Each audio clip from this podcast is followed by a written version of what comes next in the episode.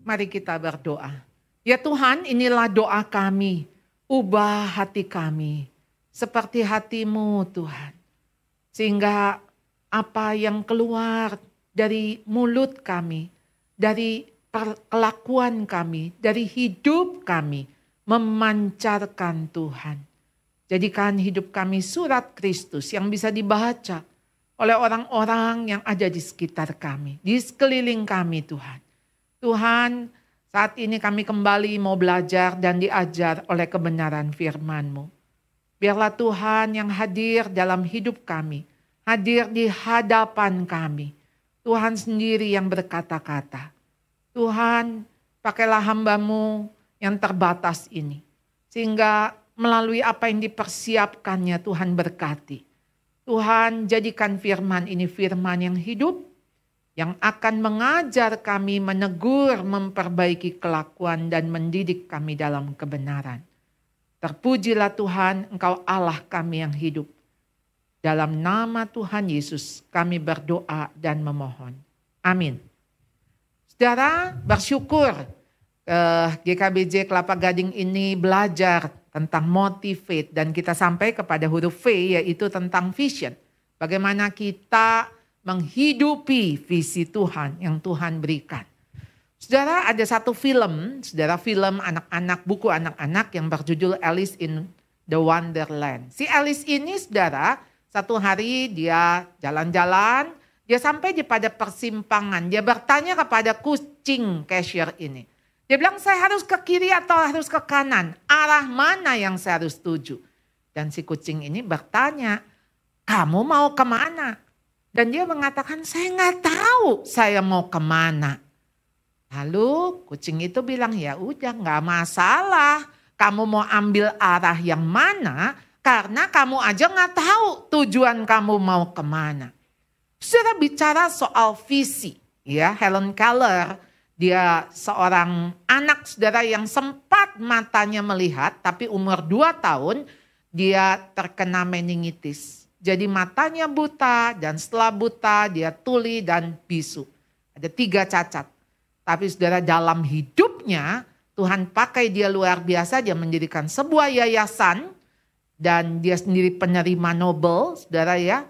Jadi Anda lihat hidupnya yang kelihatannya aduh bisa apa sih orang cacat seperti itu. Dia mengatakan satu kalimat sangat menarik. The only thing worse than being blind is having sight but no vision. Waduh yang lebih buruk daripada buta ada saudara yaitu punya mata, punya penglihatan, tapi nggak punya visi. Sudah Amsal 29 ayat 18 mengatakan, ya kalau tidak ada wahyu, tidak ada visi, maka liarlah rakyat. Saudara ketika gereja nggak punya visi, keluarga nggak punya visi, saudara akan jadi apa? bisa melakukan apa saja, mau ke mana enggak masalah. Itu yang seperti dikatakan kucing ini kepada si Elis. Sudah pernah mendengar enggak ada orang ngomong begini, udah hidup mah mengalir aja. Mengalir. Ke mana air membawa. Sudah hidup tuh nggak mengalir saudara. Saya mengerti tentu ketika orang ngomong ya udah ikutin aja Saudara, tapi ada satu perspektif yang kita lihat bahwa seolah-olah apa? Ya udah kalau berjalan kayak begitu itu namanya nasib. Saudara kita nggak percaya nasib takdir begitu ya saudara ya.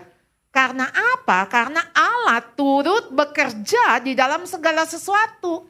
Jadi nggak ada yang gini, oh itu mah takdir. Nggak ada saudara manusia diberikan free will. Jadi manusia punya kehendak bebas tentu saja Allah berdaulat di dalam hidup kita. Tetapi kita nggak membiarkan hidup kita kayak jalan aja, kayak air mengalir. Saudara, ayo mari kita melihat Efesus 2 ayat 10. Karena kita ini buatan Allah. Saudara jelas sekali manusia buatan Allah. Jadi enggak datang dari asal usulnya monyet yang ber evolusi, kemudian jadi manusia. Eh kebetulan ada manusia, nggak ada saudara. Ya kita ini buatan Allah diciptakan dalam Kristus Yesus. Buat kita orang-orang yang dipilih, dipanggil, diselamatkan di dalam Kristus Yesus. Jelas ada pekerjaan baik yang Tuhan persiapkan. Saudara kita nggak bikin asal-asalan, asal ada. Kemudian ya udah manusia hidup buat mati. Ujung-ujungnya mati. Betul saudara, ujung hidup kita di dunia ini nggak selamanya. Tetapi kematian menjadi pintu kita menuju kepada hidup yang kekal. Jadi yang visi kita, tujuan kita tentu hidup kekal, hidup bersama-sama dengan Allah. Ya di dalam kekekalan. Tentu bukan itu yang kita tuju hidup di surganya, tetapi karena kita hidup bersama-sama dengan Allah. Kita melayani Allah baik di dunia ini maupun di dalam kekekalan. Kita akan bersama-sama dengan dia. Sehingga saudara ketika di dalam bumi ini selama masih hidup, Paulus bilang, kalau aku disuruh pilih mau pilih hidup atau mati, Aku lebih baik mati sih, untung. Karena aku akan bersama-sama dengan Kristus. Tapi kalau aku pun masih harus hidup, berarti tugasku memberi buah. Tugasku melakukan pekerjaan baik ini nih. Yang Tuhan sudah persiapkan dan dia mau kita hidup di dalamnya. Saudara apa visi Anda? Apa visi keluarga Anda? Apa sih? Pasti ada. Saudara jangan sampai saudara mengatakan iya ya saya sudah setua ini saya nggak tahu loh visi saya apa, visi keluarga saya apa. Saudara ketika Anda ngobrol sama anak, kamu tuh mau pilih jurusan apa? Kamu tuh mau cita-citanya apa sih? Saudara bukankah saudara sedang bicara tentang visi? Saudara bukan cerita sekarang gini, oh iya yang penting hidup sukses, nanti yang penting ayo dong kamu ini belum punya pacar. Di kopiok-kopiok tuh anak untuk menikah. Menikah dengan siapa saja yang penting laku. Kan nggak begitu. Kenapa saudara? Karena menikah pun bagian dari panggilan. Bicara visi, bicara panggilan hidup. Saudara dipanggil untuk apa? Untuk melakukan pekerjaan baik itu. Lalu pekerjaan baik, saya tentu dengan saudara pasti berbeda. Karena pekerjaan baik yang Tuhan persiapkan kepada saya, ada saudara panggilan itu sejak saya kecil, saya lahir sampai sekarang saya umur 58 tahun. Dan saya melihat ada satu benang merah. Kenapa saya mesti ada di dalam keluarga yang papa mama saya, papa saya itu datang dari Cungko, saudara. Dia tentara Kuomintang. Dia meninggalkan istri dan dua anak di Tiongkok. Dia lari ke Taiwan, dia lari ke Indonesia. Dan dia nggak bisa kembali lagi ke Tiongkok. Ya karena dia ex Kuomintang. Lalu dia menikah dengan ibu saya yang beda 13 tahun. Beda budaya, mama saya pendidikan Belanda. Jadi bisa dibayangkan sebuah keluarga yang berbeda. Saya ini ada di tengah-tengah anak-anak yang tiap hari mendengar papa mamahnya ribut, berantem. Ya, rasanya nggak ada hari tanpa pertengkaran. Dan saya melihat bagaimana kehidupan ayah saya. Nah saudara, tetapi itu bukan kebetulan. Ketika Tuhan izinkan, saya dulu waktu kecil suka ngomong, mama kenapa sih maunya sama papi gitu ya. Ya, ya itu mama nggak ngerti, cuman tiga bulan pacaran ya, abis itu menikah. Padahal udah dikasih tahu, jangan, jangan menikah gitu ya. Dengan apalagi maksudnya konteksnya ya disebutnya dulu toto gitu ya. Nah saudara, saya mulai terpikir, Oh iya ya kalau begitu jangan pilih orang yang dari Tiongkok Toto gitu ya karena akan begini akan begitu. Tapi saudara Tuhan pulihkan dengan saya kecemplung di sebuah gereja bahasa Mandarin dan saya akan ketemu banyak orang Toto saudara. Dan ternyata orang Toto yang enggak seperti papa saya juga ada. Jadi saudara saya dibesarkan di dalam keluarga yang tidak harmonis. Tapi di situ Tuhan memberikan saya satu visi. Bagaimana menolong keluarga-keluarga yang ada sekarang ini. Karena menyelamatkan satu keluarga berarti menyelamatkan anak-anaknya. Menyelamatkan pasangan suami istri akan menyelamatkan kehidupan perkawinan anak, cucu, dan seterusnya. Jadi saudara, kita ini ada di dalam dunia ini bukan sebuah kebetulan. Jadi Anda sekarang pada kondisi apa, punya posisi apa, punya prestasi apa, punya relasi seperti apa, punya reputasi itu bukan kebetulan. Itu semua titipan saudara. Saudara ketika anak-anak saudara dikasih kepintaran. Ya itu bukan untuk dibangga-banggain, bukan untuk eh hebat. Enggak, saudara bisa musik, saudara nyanyinya bagus. Saudara itu bukan kebetulan. Jadi enggak dibuat, eh iya ya suaranya bagus ya. Saudara tanya sama Tuhan, kenapa anak saya suaranya bagus? Jadi bukan, wah ini bagus nih ya. Ini nanti bisa menang nih di juara idol ya. Nanti wah bisa terkenal. Wah saya mau jadi seperti penyanyi ini. Saudara itu ya mau jadi penyanyi itu saudara ya.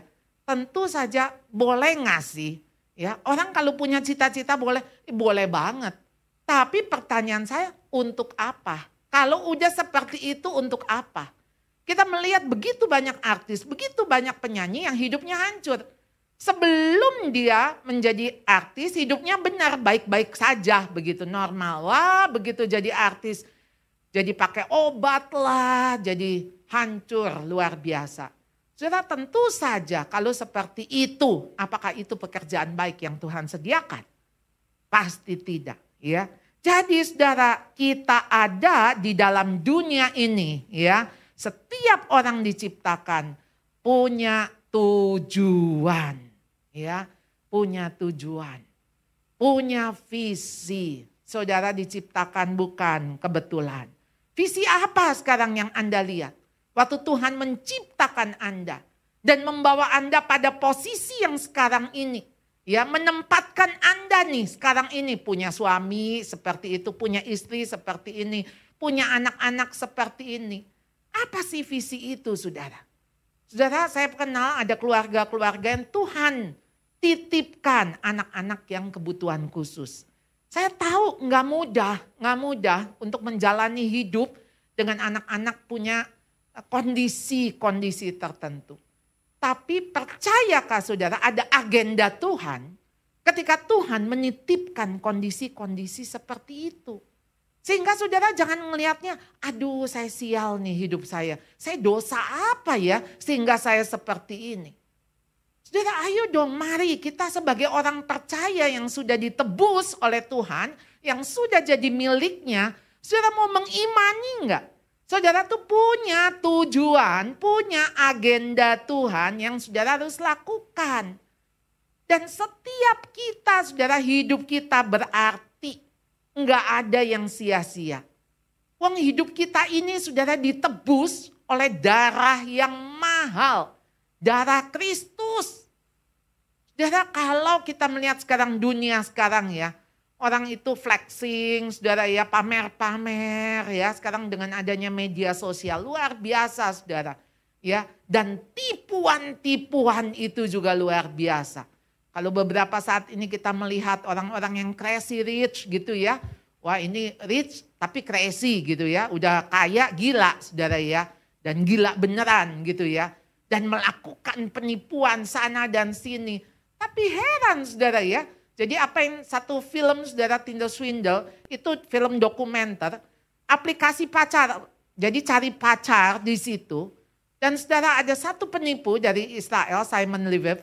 Dia seperti seolah-olah anak dari konglomerat yang punya berlian saudara. Dan dia berhasil tuh menggayat wanita-wanita yang jatuh cinta kepadanya dan dia dia mulai peras ya uh, apa ambil kartu kreditnya dan itu puluhan M saudara ya yang dia berhasil ambil tipu saudara. Kita melihat dunia seperti itu saudara. Lalu apa sih? Apa yang sedang kita kerjakan?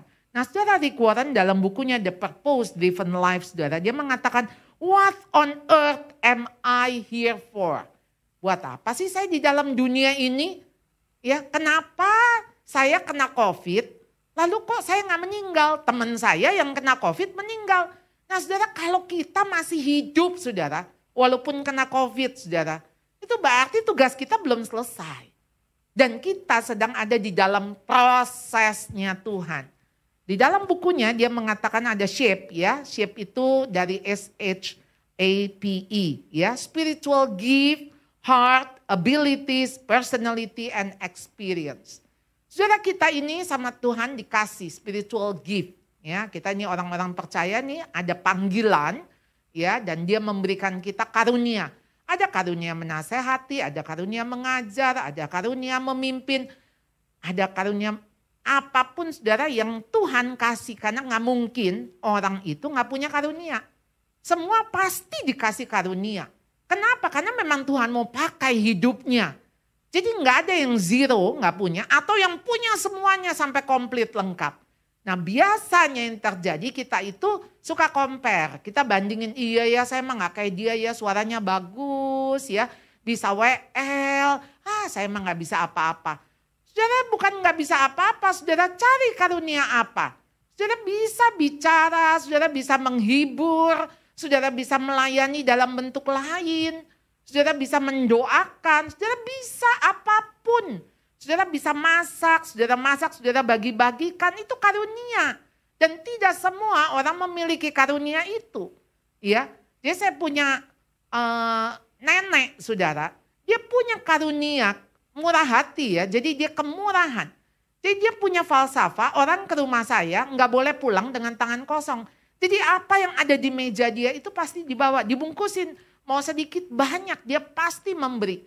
Sampai waktu dia meninggal itu yang melayat dia begitu banyak sekali. Orang-orang yang dia pernah sentuh hatinya, sentuh hidupnya hanya melalui pemberian-pemberian yang kecil. Nenek saya sederhana, dia bukan orang kaya raya, tapi dia punya karunia itu. Saudara kita juga diberikan hati. Saudara hati itu tempat bertahtanya pikiran, perasaan, dan kehendak. Saudara di hati itu ada hasrat, di hati itu ada motif Makanya kenapa hati kita itu sudah mesti hati-hati ya. Karena waspadalah ya, jagalah hatimu dengan segala kewaspadaan karena dari situ terpancar kehidupan. Karena apa Saudara? Betapa liciknya hati, lebih licik, lebih kotor dari apa pun juga. Bayangin Saudara yaitu uh, apa yang digambarkan hati kita ya. Makanya kenapa Tiap minggu kita ngaku dosa yang mesti sih setiap saat ya kita sadar, kita aware. Tuhan hati saya tuh lagi gimana ya, lagi condong apa ya, saya lagi mikir apa ya, saya lagi kepingin apa ya.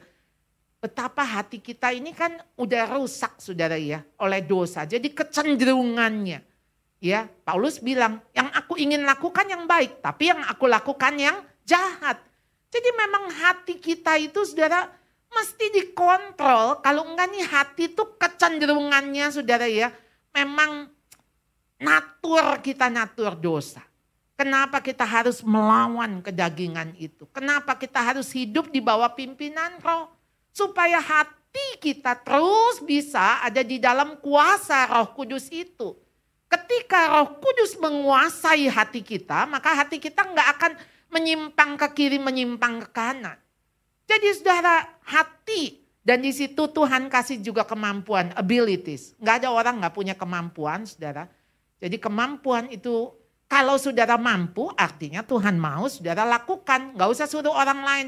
Ya saya sih bisa, bisa. Tapi orang lain aja deh gitu. Saudara ingat ya kesempatan tuh belum tentu datang dua kali.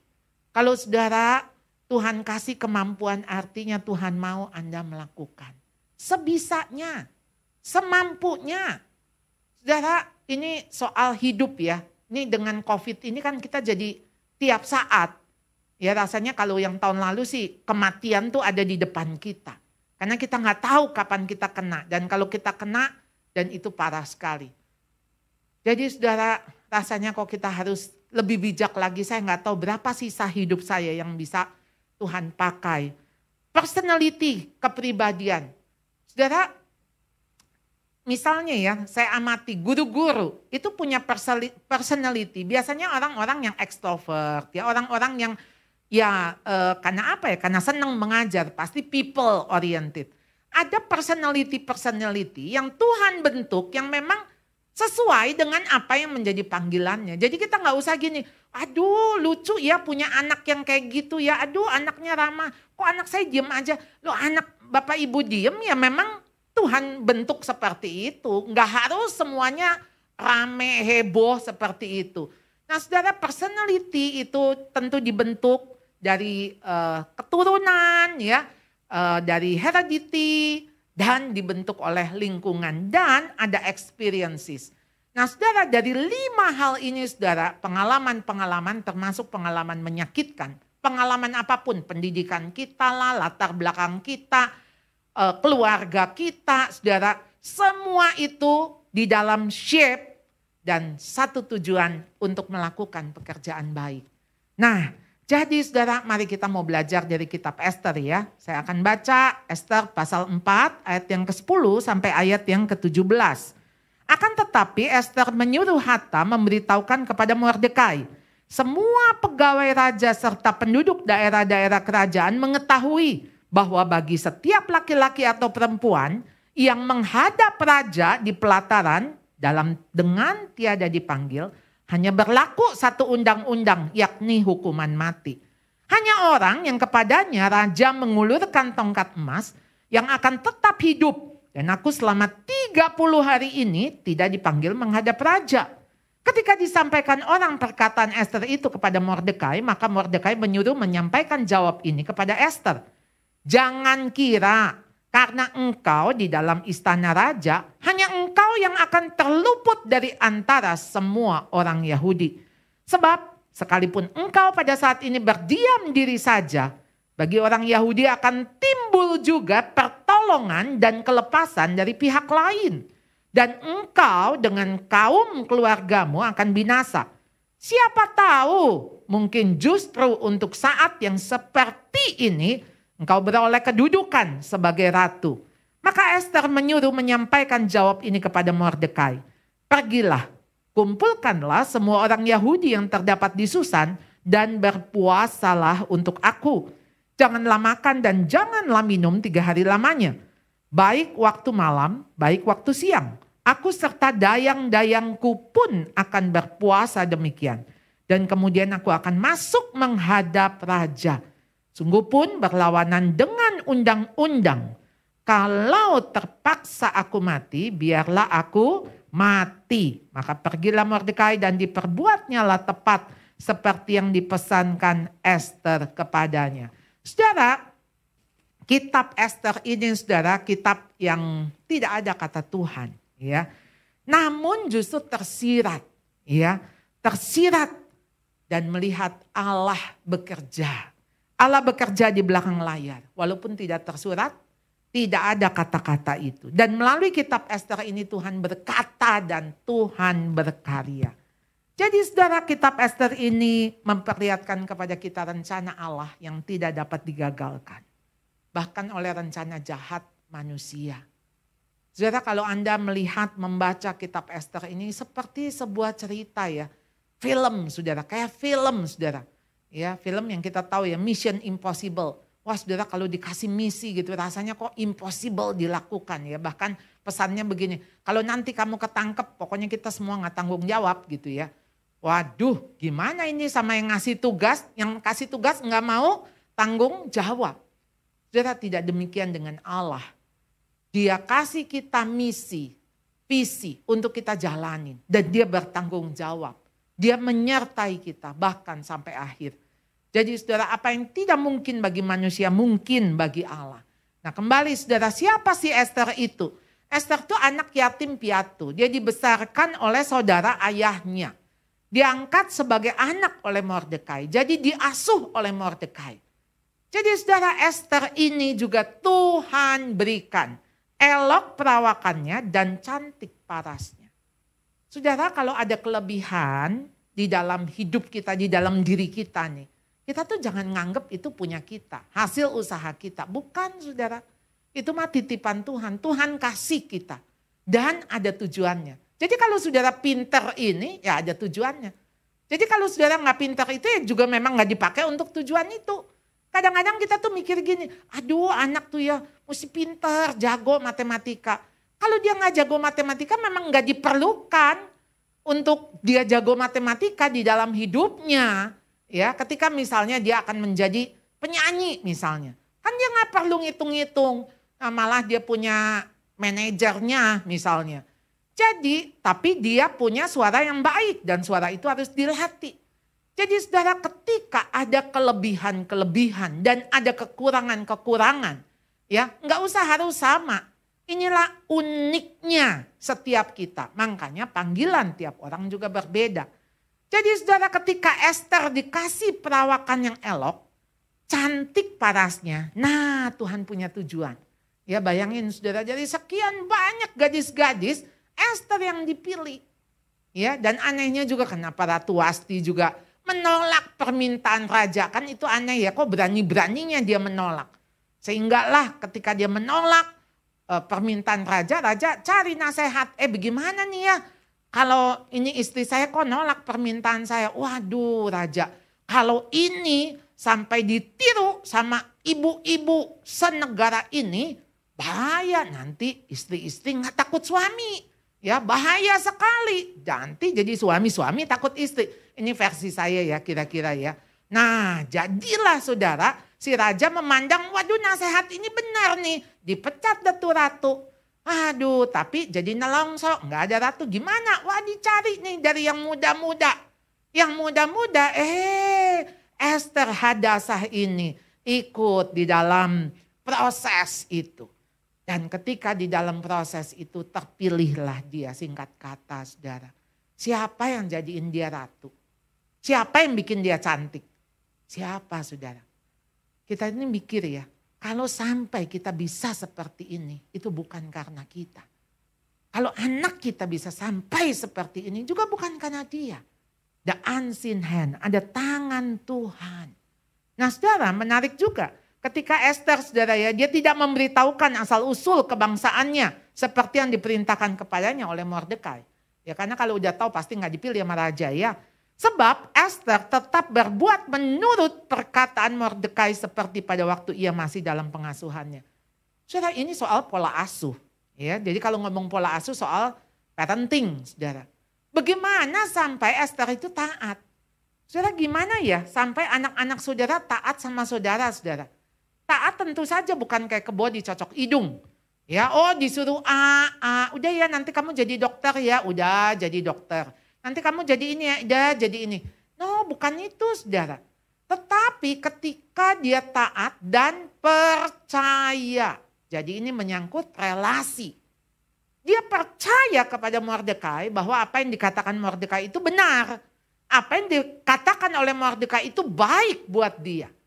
Banyak anak-anak sekarang nggak percaya sama mamanya, lebih percaya kepada medsos.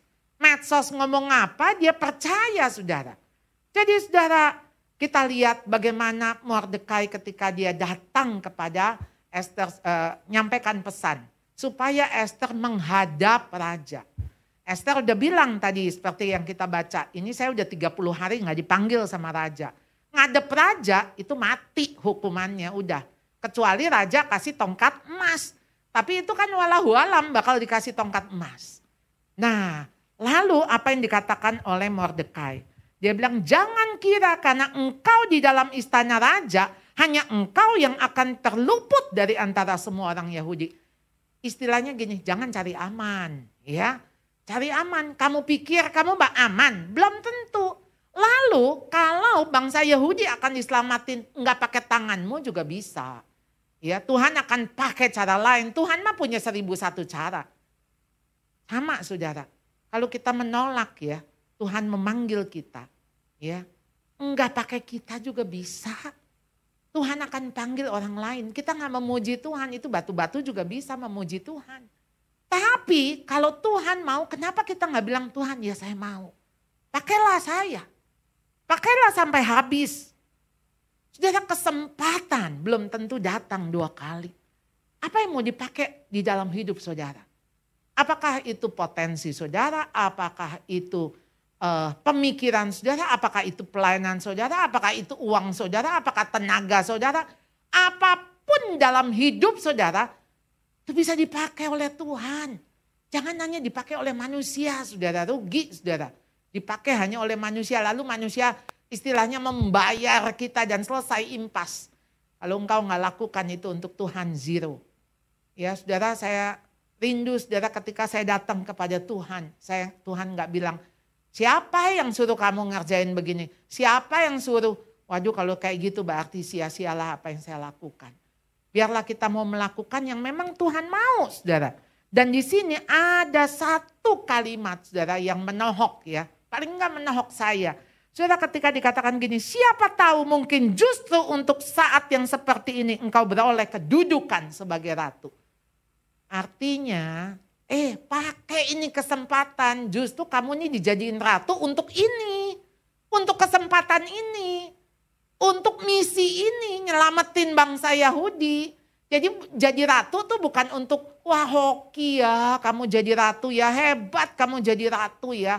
Enggak, karena ada tugas misi yang Tuhan mau lakukan. Jadi saudara ketika anak-anak kita ya atau si keluarga kita dikaruniai oleh Tuhan, kemampuan-kemampuan apa pun itu, ingat mungkin untuk itu akan ada yang harus dilakukan. Jadi apakah Esther takut? Jelas, pasti dia takut saudara ya. Dia bilang untuk menghadap raja tuh kira-kira itu bakal dihukum mati. Makanya dia bilang berpuasalah untuk aku. Dia perlu dukungan. Dia nggak cukup cuman dia yang puasa. Dia beban dia sangat berat saudara ya. Tapi masalahnya dia mau bayar harga. Dia rela saudara. Itulah yang membuat dia berani. Jadi kenapa Esther berani? Dia berani bukan soal nekat saudara dia berani juga bukan berarti kita nggak punya rasa takut. Berani itu bisa menolak untuk menuruti keinginan kita. Artinya kita menolak untuk takut. Kita tidak mengikuti ketakutan kita. Saudara kita takut nggak? Misalnya, saudara belum pernah jadi WL. Saudara diminta untuk jadi WL, ya pasti takutlah pertama-tama ya Wah keringet dingin, apa segala macam. Itu udah pasti lewat yang pertama dulu untuk bisa menjadi yang ke seribu kali. Apa sih? Kita takut omongan orang, kita takut kritikan, kita takut penolakan. Saudara, kita jangan takut terhadap apa pun kecuali satu, takutnya sama Tuhan. Bahkan itu yang dikatakan oleh Pak Jokowi juga ya, saya nggak takut sama siapa pun kecuali sama Tuhan. Wow ini hikmat yang dari Tuhan ya. Jadi saudara di balik keredupan tersembunyi Allah yang berdiri dalam bayang-bayang menjaga kepunyaannya. Saudara Allah menjaga kepunyaannya. Nggak usah takut saudara. Di balik keredupan yang tersembunyi. Dan pekerjaan Allah yang dilakukan dengan cara Allah tidak kekurangan dukungan Allah. Jadi saudara Allah pasti akan mendukung. Apa sih yang jadi rencananya? Apa sih yang jadi kehendaknya? Saudara nggak usah takut, dia akan mendukung. Filipi 1 ayat 6, akan hal ini aku yakin sepenuhnya. Yaitu ia yang memulai pekerjaan yang baik di antara kamu. Akan meneruskannya sampai pada akhirnya. Pada hari Kristus Yesus. Saudara kalau dia punya rencana ya awal yang baik. Saudara jangan takut, dia akan meneruskannya sampai akhir. Walaupun akhirnya bagi Tuhan sama akhirnya bagi kita mungkin beda. Tapi artinya ada plan Tuhan. Ya mungkin kita melakukan cuma sampai segini separuh. Tapi ada orang lain yang meneruskan. Ya it's okay. Artinya Tuhan akan terus menuntaskan sampai pada akhirnya pada hari Kristus Yesus. Saudara Yohanes 17 ayat 4. Aku telah mempermuliakan engkau di bumi dengan jalan menyelesaikan pekerjaan yang engkau berikan kepadaku untuk melakukannya doa Tuhan Yesus saudara. Ya, ketika sebelum dia mati. Dia bilang, Bapak aku telah mempermuliakan engkau di bumi. Dengan jalan menyelesaikan. Saudara, apakah kita terpanggil oleh Tuhan untuk melakukan pekerjaan yang Tuhan berikan kepada kita untuk kita lakukan. Dan kita menyelesaikan. Kita memasuki Minggu Prapaskah, kita sedang menghadapi masa-masa kesengsaraan Tuhan Yesus. Kita coba pikirkan ketika Tuhan Yesus menyelesaikan visi yang diberikan oleh Allah Bapa dan dia menyelesaikannya sampai akhir selesai. Dan kita rindu seperti yang Matius 25 ayat 21. Well done, good and faithful servant. Well done Maukah kita pujian Tuhan kepada kita, well done, good and faithful servant. Yang dikatakan apa? Servant, hamba. Kita semua hamba. Gak ada posisi kita, eh hey, hai, direktur yang baik. Hai, ya dokter yang baik nggak ada. Saudara itu semua dicoret, cuman satu, hambaku yang baik dan setia. Marilah hamba mengikuti apa yang Tuhan mau. Hamba hanya melakukan apa yang menjadi kehendak daripada Tuannya. Mari kita berdoa. Ya Tuhan kami sadar kami hidup di dunia hanya sementara. Tapi biarlah hidup yang sementara ini Tuhan tidak sia-sia, tidak lewat begitu saja. Tapi bermakna, berarti karena Tuhan punya panggilan, Tuhan punya tujuan atas hidup kami, atas hidup anak-anak kami, keluarga kami. Ya Tuhan, hidup kami bukan lagi milik kami sendiri, tapi sudah menjadi milik Engkau. Tuhan sudah tebus itu Tuhan, harganya sudah lunas dibayar. Terima kasih ya Tuhan, kami persembahkan Hidup kami ini Tuhan, yang kami tidak tahu masih sisa berapa lama lagi. Tapi biarlah hidup kami, yaitu mempermuliakan Engkau di bumi ini. Dengan jalan menyelesaikan pekerjaan yang Engkau berikan untuk kami lakukan. Terima kasih Tuhan, biarlah kebenaran firman Tuhan disimpan di dalam hati, pikiran kami dan kami mau melakukannya. Hanya dalam nama Tuhan Yesus kami berdoa, kami memohon. Amin.